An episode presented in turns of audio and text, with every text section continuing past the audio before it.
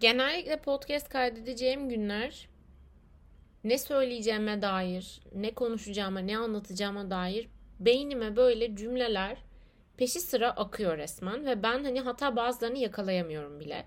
Ama şu başlangıç yapma işi, giriş yapma işi gerçekten bir buçuk senedir tam anlamıyla beceremediğim ve her seferinde beni tekrar tekrar tekrar tekrar kaydetmeye iten yegane şey. Ama bunun da samimiyet getirdiğine inanarak mesela bu girişi değiştirmeyeceğime ve buradan devam edeceğime inanıyorum. Güzel bir giriş yaptığıma göre halinizi hatırınızı sormakla devam edeceğim. Nasılsınız? Sizi gerçekten özledim. Klasik ben girizgahı.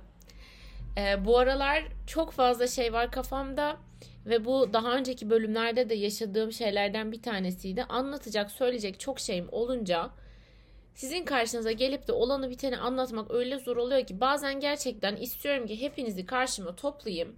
Ben başlayayım hüngür hüngür ağlamaya. Siz anlarsınız zaten falan oluyorum. Bu aralar yani son bir buçuk aydır aslında neler kaçırdınız? Daha doğrusu nelerde böyle tam olarak birbirimizi güncel tutamadık? Onlardan biraz bahsedeceğim tabii ki. Ee, ama öncelikle yine size bu noktada bir durdurup kendinize bir çay kahve yapmanızı ya da bir kadeh şarap falan koymanızı önereceğim. Ee, hoş bir sohbet olacak gibi hissediyorum. Çünkü çok da konuşasım var bugün. Hatta böyle ya artık böyle bütün işim gücüm bitsin de şöyle e, bugün de seansım var terapideydim. Terapim de bitsin şöyle işte mesai de bitmiş olacak zaten. Böyle geçeyim ekranın karşısına bizimkilere bir konuşayım falan diye aslında iple de çekiyordum. Hatta geçtiğimiz günlerde şöyle bir şey oldu. Ben e, bir bölüm kaydettim. Ama bir türlü içime sinmedi ve siz beni çok iyi tanıyorsunuz bence. E, gerçekten çok iyi tanıyorsunuz. E, ve hani ben onu atsam geçiştirilmiş gibi bir bölüm olacağını düşündüm. Ve dedim ki yani bu kızlar bunu anlar. Siz artık o kızlar dediğimde bu kızlar dediğimde bir gender free bir şeyden bahsettim biliyorsunuz. Tekrar söylemeyeceğim. Ee, ve bölümü böyle bulaşık yıkarken dinleyeyim. Hani gerçekten atılabilesi mi falan dedim. Katlanamadım.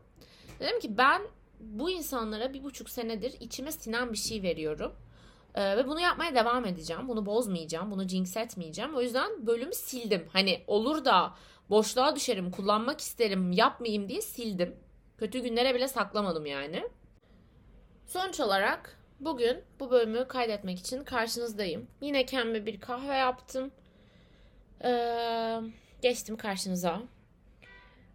Bir buçuk aydır yani son bölümden bu yana hayatımdaki galiba en ana değişiklik işe başlamak oldu. Ee, ve zannettiğimden daha zor bir alışma sürecinden geçiyorum aslında. Alışmaya çalıştığım şey kesinlikle bu arada iş düzeni, erken kalkmak, e, bir yere karşı sorumlulukların olması falan değil aslında. Ama gerçekten artık böyle yetişkin olmaya dair atılan büyük adımlardan bir tanesiymiş işe başlamak, kendi paranı kazanmak, faturaları, borçları ya da alınacakları takip etmek, bazı şeyleri bir sonraki aya ertelemek falan. Ama insanı bazı dertlerden de uzak tutuyor bunları düşünmek. Genellikle böyle ben çok aklı bir karış havada olan, sürekli aşkta, meşkte, arkadaşlıklarda kendini kaybeden bir insan olduğum için esas problemin, esas hayat gerçeklerinin, esas daha doğrusu gerçek kaygıların, problemlerin yetişkinlikle beraber özellikle para kazanınca insanın hayatında bir anda vuku bulduğunu falan düşünüyordum ki bunu da çok duyuyoruz yani işte sen bir kendi paranı kazan da gör bakalım ev nasıl idare ediliyormuş falan. Ulan ev idare ediyor kendini bir şekilde.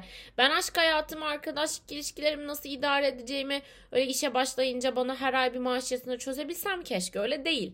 Yani o yüzden ben yine e, şey hani her zaman böyle burnunun dikine giden lokal podcasteriniz olarak insanların, toplumun ya da işte yüzyıllardır genel olarak herkesin, ailelerin o nitelendirdiği yetişkin problemi denilen e, bir para idare etmek, bir hayat sürdürmek e, meşgalesine girince dedim ki abi bunlar dert mi ya? Aşk acısı, arkadaşlık kayıpları, gelecek kaygısı, mezuniyet, bocalamak, ayrılmak, flört etmek ya bunlar daha gerçek aslında. Daha hayatın içinden. Çünkü işe başlıyorsun, bir ofistesin, çalışıyorsun, sorumluluklarını yerine getiriyorsun ve oradan geri kalan şeyi de hayatının geri kalan noktalarına dağıtıyorsun aslında. İşte atıyorum sabah 8 akşam 5 çalışıyorsun. Sonra e, bir evi toplayayım, yemek yapayım, şunu yapayım, ihtiyaçlarımı karşılayayım falan da şimdi gelen sürede mesela arkadaşlarına mı zaman geçireceksin, bazılarıyla aranı mı düzelteceksin, date mi çıkacaksın, kendine mi zaman ayıracaksın falan aslında bana kalırsa yetişkin problemi olarak adlandırılan her şey dünyanın bize sunduğu gerçek problemler değil, aksine bizim kendimizle verdiğimiz kavgadan biraz olsun dikkatimizi uzaklaştırmak için bize verilmiş bir simülasyon aslında. Ve ben de gerçekten bu simülasyona bir buçuk aydır tam anlamıyla adapte olamadığımın e, inancındayım. Çünkü e, o kadar fazla ve uzun süredir kendimde derinliklere inmiştim ki özellikle kendimle baş başa kaldığım süre çok artmıştı. İtalya'da ve İtalya'dan geldikten sonra mezun olup kendi başıma e, Aydın'da odamda geçirdiğim o 6-7 aylık süreçte o kadar kendimle iç içe geçmiştim ki bir de buna 4 senedir süren bir terapi süresi tabii eşlik edince e, zaten terapi başlı başına bir kendini kazma süreci. Kazıyorsun kazıyorsun hiç görmediğin hiç böyle el değmemiş noktalarına iniyorsun gerçekten ve yukarı baktığında ne kadar yol kat ettiğini görüyorsun ama merdiven yok. Öyle kafan esince dışarı çıkıp da tamam ben şimdi bu çukuru kapatırım diyemiyorsun. Belki bir şekilde yukarı çıkarsın ama yukarı çıksan da o dışarı attığın toprak kadarını içeri tekrardan doldurup hiçbir şey yokmuş gibi düzleyemiyorsun. O delikler en kötü ihtimalle sen tekrardan yer küreye çıktığında bir şekilde ayağını takıp seni tekrardan en dibe çekiyor. O yüzden tabii böyle kendi içimde kendimde açtığım deliklerle böyle bende ne var ne yok meşgalesi içinde koşuştururken bir anda hayatıma şak diye bir beyaz yaka olma gerçeği sürülünce ben bayağı bir afalladım. Çünkü kendime zaman ayıramaz, kendimle iki kelam edemez hale geldim. Ve hayatımdaki her şeyi o kadar ama o kadar uzun süredir işe başlayınca yaparım. İstanbul'a geri taşınınca hallederim diye ertelediğimi fark ettim ki İstanbul'a gelince bir anda her şey böyle üst üste gelmeye başladı. Yani üst üste gelmeye başladı da doğru bir terim değil. Yani daha doğrusu şöyle oldu. Ben 6-7 ayı Aydın'da geçirdikten sonra aslında bir noktada da böyle dışarı çıkmaya, bir şeyler yapmaya üşenir bir hale gelmiştim. O yüzden her şeyi işte İstanbul'a dönünceye falan erteliyordum. Sonra İstanbul'a geldim. Ee, annemle birlikte geldim. Zaten işte bir evi temizleyelim işte eşyalarımı uzun süredir hani evde değildim İstanbul'da değildim Aydın'ın eşyalarım gelmişti falan hani onları yerleştirelim. E ben çalışmaya başlayacağım online çalışırken belki her şeye yetişemeyeceğim annem yardımcı olacak falan zaten bir buçuk ay annemleydim. O noktada da hep annem kartını kullanıyordum. İşte annemleyiz şu an. Annem bende. Çok onu yalnız bırakmayayım, çok dışarı çıkmayayım falan. Aslında yüzleşmekten korktuğum ve beni bekleyen bir sosyal hayatın e, kaçışındaydım. Yani bunu fark ettim. Çünkü biliyordum ki bir kere başladığımda çorap söküğü gibi gelecek ve en de duymaktan korktuğum şey böyle her an kapıyı çalacak gibi sanki böyle kocaman bir işte üç katlı evde böyle katilden kaçıyor gibi gerçekten inanılmaz gerilimli bir e, sahne var böyle. E, bunu hayal edebilirsiniz. Ben böyle birisi beni arayacak da bir evente çağıracak. İşte birisi beni arayıp da ulan bize hiç zaman ayırmıyorsun diyecek diye böyle hani gerçekten kendimi gardolaba falan saklamak istiyordum. Çünkü uzun süredir sosyal hayatı pratiğim aynen şu an duyduğunuz gibi sokaktan gelen seslerden ibaretti. Ve benim tekrardan onun içine girmem gerçekten ben kendim sürekli çok dışa dönük, çok işte girişken olarak tanımlasam da bana kaygı veriyordu. Çünkü biliyordum ki buna bir kere başladığımda bu artık bir rutin haline gelecek. Ve benim bu hayatta her ne kadar en sevdiğim şeylerden, en beni rahatlatan şeylerden bir tanesi yaptığım şeyler üstüne tik atmak da olsa bunu arkadaşlıklarımda ve sosyalleşmekte kullanmamaya çok özen gösteriyorum. Çünkü arkadaşlıklar, yani daha doğrusu bu arkadaşlık olmak zorunda değil. Bir film izlemek, dışarı çıkmak, bir yürüyüş yapmak, kestirmek yani kendin için yaptığın her şey her neyse o o artık senin ajandanda bir task halini aldığında gerçekten onun anlamının çok büyük bir yüzdesinin ben kaybolup gittiğine inanıyorum. Yok olup gidiyor. Çünkü arkadaş senin için ya bütün hafta çok yoruldum. Şimdi çıkayım işte bir Eda ile bir kahve içeyim. Çok güzel de muhabbet ederiz bizden. Bir anda ya işte ben de bu cuma Eda ile buluşacaktım. Şimdi ne yapacağız, ne konuşacağız? Ben bir de çok yorgun olacağım gibi bir şeye dönüyor. Çünkü sen onu ajandana task olarak yazıyorsun. Yani burada ajanda aslında daha metaforik bir şey. Bu siz her ne isterseniz öyle olsun. Benim burada kastettiğim şey sorumluluk olarak görmek aslında. Ve ben de gerçekten böyle bir aşamaya gelmeye başladı. Bir kere erteliyorsun, iki kere erteliyorsun. İkinci erteleyişinde hop başka biri bir şey teklif ediyor. Onu erteliyorsun. Ertelemelerin ya gerçekten böyle bir sanki tefeci muhabbeti gibi birinden aslında sana ait olan zamanı istiyorsun ve sonrasında çok yüklü bir faiz ödeyeceğini de biliyorsun. Böyle komplike e, sosyalleşmek denilen aslında çok insanın kendisine hizmet eden şeyi lekeleyen bir dönemin içine girdim. Çünkü sabah kalkıyorum. işe gitmek, iş yapmak, iş için uyanmak aslında çok da rutinimi destekleyen bir şey haline dönüştü. Sabah uyan, rutinlerini yap, bilgisayarın başına otur, çalış akşama kadar. Sonra freesin falan ve iş içerisinde bana verilen sorumluluklar da benim o bir şeylere tik atma ihtiyacımı giderdiği için inanılmaz. Hani gerçekten win-win ve bunun için maaş alıyorum falan gibi bir şeyin içindeyim yani. Hani çünkü eğer e, OKB temelli bir zihniniz varsa gerçekten test gerçekleştirmek sizin zaten kendi başına ödülünüz oluyor.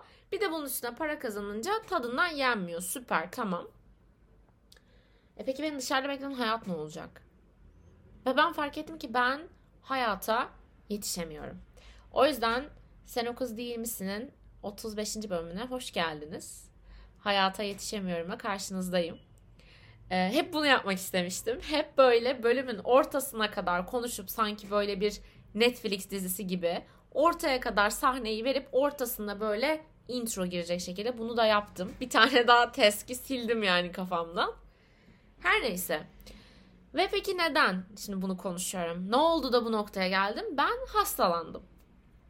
İki gün önce falan e, haftada bir gün ofise gidiyorum. Ofise gittiğim bir gün böyle havayı kestiremeyip çok ince giyinmişim ve çok fazla rüzgar aldım ve yağmurdan da ıslandım. Hemen de böyle zaten çok uzun süredir de evde olmanın e, verdiği sıfır mikrop politikasıyla gerçekten bağışıklığım da bence çok düştü yani. Tırnaklarım falan böyle artık katman katman soyuluyor zaten. Dedim tamam ben çok sağlam hasta olacağım. Ama o hastalığın gelişinin bana beraberinde rahatlık getirmesiyle anladım. Artık iyi bir e, mental stabilitede olmadığıma dair. Artık sosyal hayatın bende bir anda böyle bir yük demeyeyim ama yoğun bir sorumluluk haline almasını işte o zaman fark ettim. Yani hasta olmak ve ben hastayım diyebilmek benim için bir anda böyle bir ampul gibi yandı kafamda. Oley yeni bahane. Artık kimseyi ekmeme gerek kalmayacak. Çünkü ben hastayım. Önümüzdeki hafta tamam hastalıkla ben bunu ekarte edebilirim. Ya bunu bu kadar açık söylememin sebebi bu arada çok insani ve herkesin zaman zaman başına gelen bir şey olduğunu düşünüyorum. Her şeyi iptal etmek ve sadece kendinle olmak istemek. Çünkü buna ihtiyacı var insanın. Yani ben arkadaşlarımla buluşmaya kim olarak gittiğimi bilmek için önce kendimle zaman geçirmeliyim ve ben kendime en son ne zaman ne haber nasılsın diye sorduğumu hatırlamıyorum. Ya kendime zaman ayırmak istiyorum.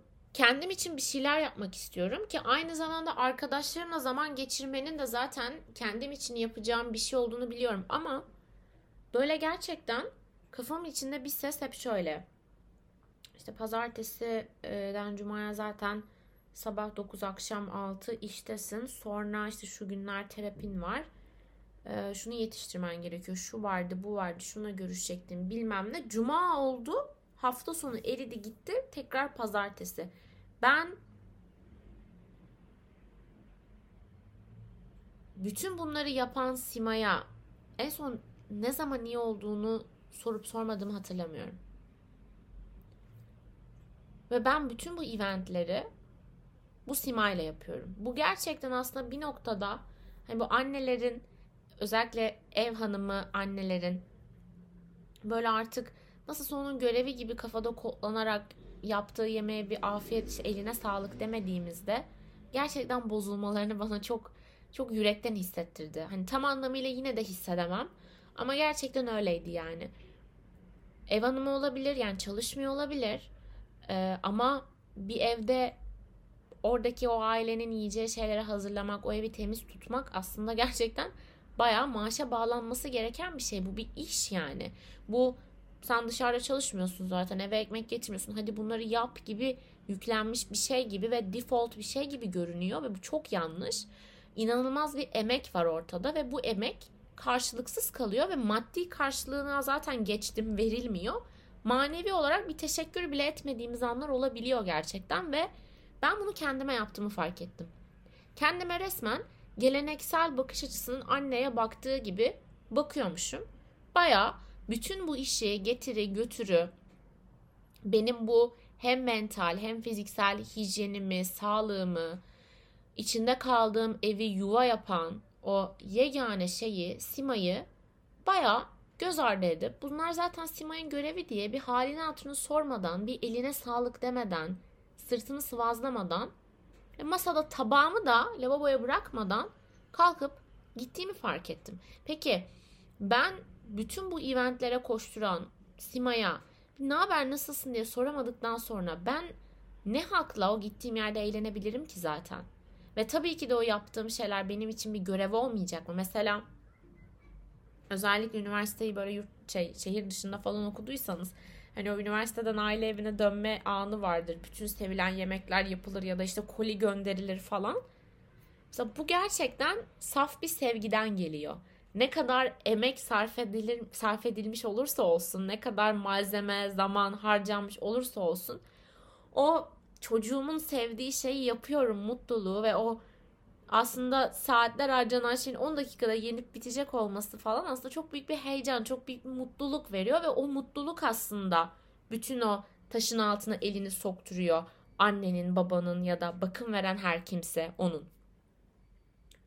Haliyle benim de aslında kendimle o anne çocuk ilişkisi gibi o tüm güçlü, o saran, sarmalayan ilişkiyi korumam lazım ki sonucunda ne kadar emek harcarsam harcayayım işte atıyorum İstanbullu kafasıyla işte buradan trafik zamanı karşıya geçerim mesela. Hani hiç umurumda olmaz. Trafikte 4 saatimi kaybedeyim bir gün ne olacak ya da bir gün sabah 4'te yatayım ama ertesi gün işe gitmek için yine ben 7'de 8'de uyanayım ne olacak hani. Çünkü sonucunda beni mutlu edecek ve verdiğim o emeğin, o işte zamanın karşını alabileceğim bir şey olacak. Bir gülümseme, bir mutluluk, bir tatmin. Ama bu yok. Ve burada bahsettiğim o tatmini göremediğim şey arkadaşlarım falan değil. Ben. Kendimle karşı karşıya geldiğimde kendime bu kadar fazla şey yükleyip sonucunda kendimden bir teşekkür, bir minnet görmemek beni bayağı böyle eve kapanmamı istetecek kadar zorladı ve bunun üstüne hastalanınca dedim ki tamam fırsat bu fırsat. Oturup artık kendine kalmak zorundasın. Seni nelerin mutlu ettiğini ve nelere zaman ayıracağını belirlemek zorundasın. Ve bunların hepsini düşünürken bunlar kafamdan böyle hızlı hızlı geçerken şunu fark ettim ve bunun için bize bunu öğrettiği için bu pratiği bize yaşattığı için dünyaya, ebeveynlere ya da işte yetiştiriliş tarzımıza bir kere daha kızdım. Kendime ayırmak istediğim zaman için insanlardan özür dilemek. Bu fark etme beni o kadar rahatsız etti ki. Mesela biriyle görüşmeyi ertelememiz için çok güçlü bir bahanemiz olmasına ihtiyaç duyuyoruz. İşte hasta olmak, bir ödevin olması, okulun olması, sınavın olması, ailenin yanında olması, yolculukta olman falan. Ve her zaman senden bir tık daha üst bir güç bunu yaptırıyor ki sen hayır diyemediğin için o buluşmayı, o görüşmeyi, o planı iptal ediyorsun gibi bir şey. Halbuki e, benden daha büyük bir güce bunu atfedene kadar bizzat kendime bu gücü verebilecek kapasitede ve hakta olduğumu düşünüyorum. Çünkü ben bu hayatı yaşıyorum ve pekala da bir insana ben bugün çıkmak istemiyorum çünkü kendime zaman ayırmak istiyorum. Ben bugün sadece ayaklarımı uzatıp uyumak istiyorum diyebilmeliyim. Çünkü neticesinde kendime bu alanı sağladığımda ve bu enerjiyi aldığımda o bir günü evde geçirip de uyuduğumda evi temizlediğimde, bunlardan tatmin olduğumda, mutlu olduğumda, işte oturup da bir podcast kaydettiğimde, bir buçuk ay sonra değil de iki haftada bir, haftada bir bu ekranın karşısına geçip kendim için bir şey yaptığımda ben belki o arkadaşımla planladığımdan bir ay sonra görüşeceğim. Belki üç hafta sonra görüşeceğim. Belki buluşma sıklığımız yarı yarıya azalacak. Ama ben full kapasite, mutlu, anlatacak şeyleri olan, dinlenmeye değer şeyleri olan ve aynı şekilde karşıdakini de dinlemeye bir o kadar aç ve açık bir simay olarak gideceğim. Aslında bir nevi kuluçkaya yatmak gibi. Kendin için kuluçkaya yatıyorsun. Tavuk da sensin, yumurta da sensin. Ve bunun için öyle bir yetiştiriliş sistemi içerisindeyiz ki sürekli mahcup olmaya, sürekli boyun eğmeye, sürekli af dilemeye o kadar yatkın bir toplumda yaşıyoruz ki kendime ayıracağım zaman için bir başkasından özür dilemek zorunda hissediyorum. Ama aslında başka hiçbir bahaneye ihtiyacım yok. Ben hayata yetişemiyorum. Ben hayata yetişemiyorum ve hani bütün bu anlattığım şeylerin sonucunda şu da beni çok üzüyor mesela. Bu rahatlamayı hissedeceğim, yanına gittiğimde böyle eğleneceğim, bütün o enerjimi orada atabileceğim insanlara baktığımda bazen şunu duyuyorum. Bunu da çok iyi anlıyorum. Bize hiç zaman ayırmıyorsun. Hiç bizimle görüşmüyorsun. İşte kimlere zaman ayırıyorsun. İşte hep her yerdesin bir bizimle değilsin falan. Ben bunu o kadar sık duymaya başladım ki gerçekten acaba haklılar mı diye dönüp hayatıma bakmaya başladım. Görünen şey böyle hissettirebilir. Instagram'ım işte koşuşturmalarım, storylerim falan böyle hissettirebilir. Ama işin aslı böyle değil. Ve işin aslında nasıl olduğu, işin aslında ne kadar zorlandığımın da çok bir önemi yok. Aslında arkadaşlarımızın bizi zaten biliyor olması gerekiyor. Yani o noktada gerçekten şuna çok ihtiyaç duydum arkadaşlarım tarafından. Simay bizi çok seviyor. Simay bizimle zaman geçirmeyi çok seviyor. Ve Simay gerçekten zaman olduğunda ya da zaman bizimle buluşmak için hazır olduğunda zaten orada olacak. Zaten bizi arayacak. Eğer şu an bizimle buluşamıyorsa bu istemediği için değil, istemediği için de olabilir. Bu Simay çok değiştiği için değil. Bu Simay bizi unuttuğu için değil. Bu sadece Simay için henüz zamanı gelmediğinden demelerine gerçekten çok ihtiyaç duydum bu dönemde. Çok ihtiyaç duydum. Bazı arkadaşlarımla hissettim bunu. Hep dediler ki hiç sorun değil. Bu senin hayatın alış. Biz buradayız. Biz senin hayatın izleyicisiyiz. Bazı arkadaşlarım oldu. Alındılar, üzüldüler. Onları da çok iyi anlıyorum. Ama bütün bunlar gerçekten benim çok da altından kalkamayacağım bir şey haline gelmeye başladı ki ben artık bunu burada konuşma ihtiyacı duydum.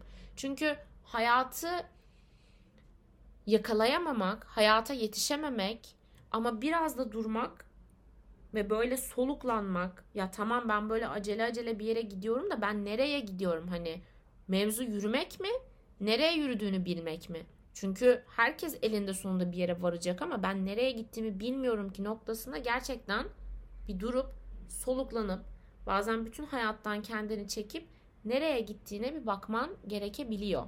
Öteki türlü kaybolmaya çok açık oluyorsun.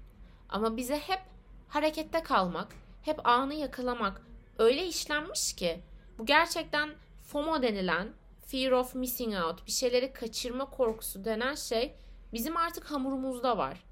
Ben oturup her şeyden soyutlanıp kendimi eve kapatmak ve kendime ihtiyacım olan zamanı vermek istiyorum ama bunu yaparken kalbim güp güp atıyor. Dışarıda yaşıtlarım eğleniyor, bir şey yapıyor. Bugün konser var, yarın event var. Çarşamba şunun doğum günü var. Bir şey yapmalıyım falan ve bunlar artık benim kulaklarımı, beynimi böyle resmen cırmalıyor. Hangi sese kulak vereceğim? Evde yatıp dinlenmek isteyene mi? Dışarı çıkıp eğlenmek isteyene mi? Dışarı çıkıp eğlenmek istememesine rağmen hayattan geri kalmak istemeyene mi? Hangi simaya kulak vereceğim? Böyle bir sıkışıklık içinde, böyle bir zamanı bilmezlik içinde, hani gerçekten 24 saat keşke 48 saat olsa ben belki bir şeyler ucu ucuna yakalarım, yetişirim dediğim bir raddede dedim ki dur. Durman lazım. Dinlenmen lazım. O zaman fark ettim. Durmak her zaman yürümenin bir parçası. Yürümek bir proses Bir adım atıyorsun, diğerini atıyorsun. Bir adım atıyorsun, diğerini atıyorsun. Ama ilk adım atmadan öncesine geldiğinde duruyordun. İki ayağın üstünde duruyordun. Hatta ilk bir adımı attıktan diğerini atana kadar ki o saliselik süreçte de duruyorsun. Durmak bu kadar yürümenin bir parçası. Ve zamanın göreceliliğine eğer şöyle küçücük bir atıfta bulunacaksak bazen o bir adımdan diğerine sağdan sola geçiş 2 milisaniye sürecekken bazen bazı insanlarda 20 gün, 1 ay, 20 saat, 5 dakika siz nasıl isterseniz ve ne kadar arzu ederseniz o kadar sürebilir. Çünkü zaman görecelidir. Hayat dışarıda kaçıyor olabilir ama sonuçta çoklu evrenler teorisine göre de bir yerlerde hala o kadar da geç kalmış değiliz. Kendimi böyle telkin ettiğim, kendime zaman yaratmak istediğim ve kendime yarattığım ilk zamanda da koştur koştur sizin karşınıza geldiğim bir bölüm oldu benim için. Ben gerçekten hayata yetişemiyorum. Ama şöyle oturup bir baktığımda bazen yetişmeye çalıştığım hayatın da o kadar yakalamaya değer olmadığını fark ediyorum. O yüzden hayat hep dışarıda akıyor, devam ediyor. Ama bu böyle biraz yürüyen merdivenin siz ona basmasanız da onun aynı şekilde ilerleyecek olması gibi. O aynı hızında, aynı basamaklarıyla dönmeye, çark etmeye devam ediyor. Sizin olay hangi basamakta dahil olduğunuzla ilgili. Siz onun üstüne bastığınız ve aşağı inmeye ya da yukarı çıkmaya başladığınız zaman sizin yolculuğunuz başlıyor. Nerede binmeye karar vermek sizin elinizde nerede ineceğinizi bir noktada yol zaten belirliyor. Ama ben bu noktada çoğu zaman mesela hangi istasyona, hangi metroya bineceğini o merdivenin üzerinde karar vermiş bir insan olarak şunu söyleyebilirim ki bazen gerçekten kenara geçmek, şöyle bir haritalara bakmak ya da yol yakınken geri dönüp ben galiba bugün kendimi çok da yeni bir yolculuğa hazır hissetmiyorum demek çok normal. Bugün de bir şeylere normalize ettik bence. Bana çok iyi geldi. Kendime ayıracağım zamanları böyle düşünürken kendime verdiğim sözlerden bir tanesi de arayı bu kadar açmamaktı. En azından iki haftada bir, on günde bir karşınıza çıkıp size şöyle bir sesimi duyurmak gerçekten çok istiyorum. Ve bir de böyle bir buçuk ay sonra karşınıza geçip konuşunca da sanki şey gibi hissettim. Hikaye saatindeyiz. Herkes minderine oturmuş. Ben de size bir şeyler okuyormuşum gibi. Umarım siz de bu hikayeden keyif almışsınızdır. Umarım çayınız, kahveniz, şarabınız en az benim kadar iyi bir eşlikçi olabilmiştir size. Sizi öpüyorum. Umutsuzluğa alışmayın. Yatağa küs girmeyin. Dışarıda kaçırdığınız hiçbir şey yok. İsterseniz yataktan da çıkmayın. Eğer benim sadece Sen o kız değil misin anlattıklarımı değil, Sen o kız değil misin anlattığım bir bölümü dinlemek isterseniz Wise Woman'da Leyla'ya konuk olduğum bölümü dinleyebilirsiniz. Bunu da zaten Sen o kız değil misin Instagram hesabında paylaştım, paylaşacağım. Aynı zamanda benim sadece sesime değil, bana ilham olan, izlediğim, okuduğum, dinlediğim şeylere de bir göz atmak isterseniz Wiser Türkiye'den beni takip etmeyi unutmayın. Orada kürasyonlarımı sizin için paylaşıyorum. Hepinize sevgiler.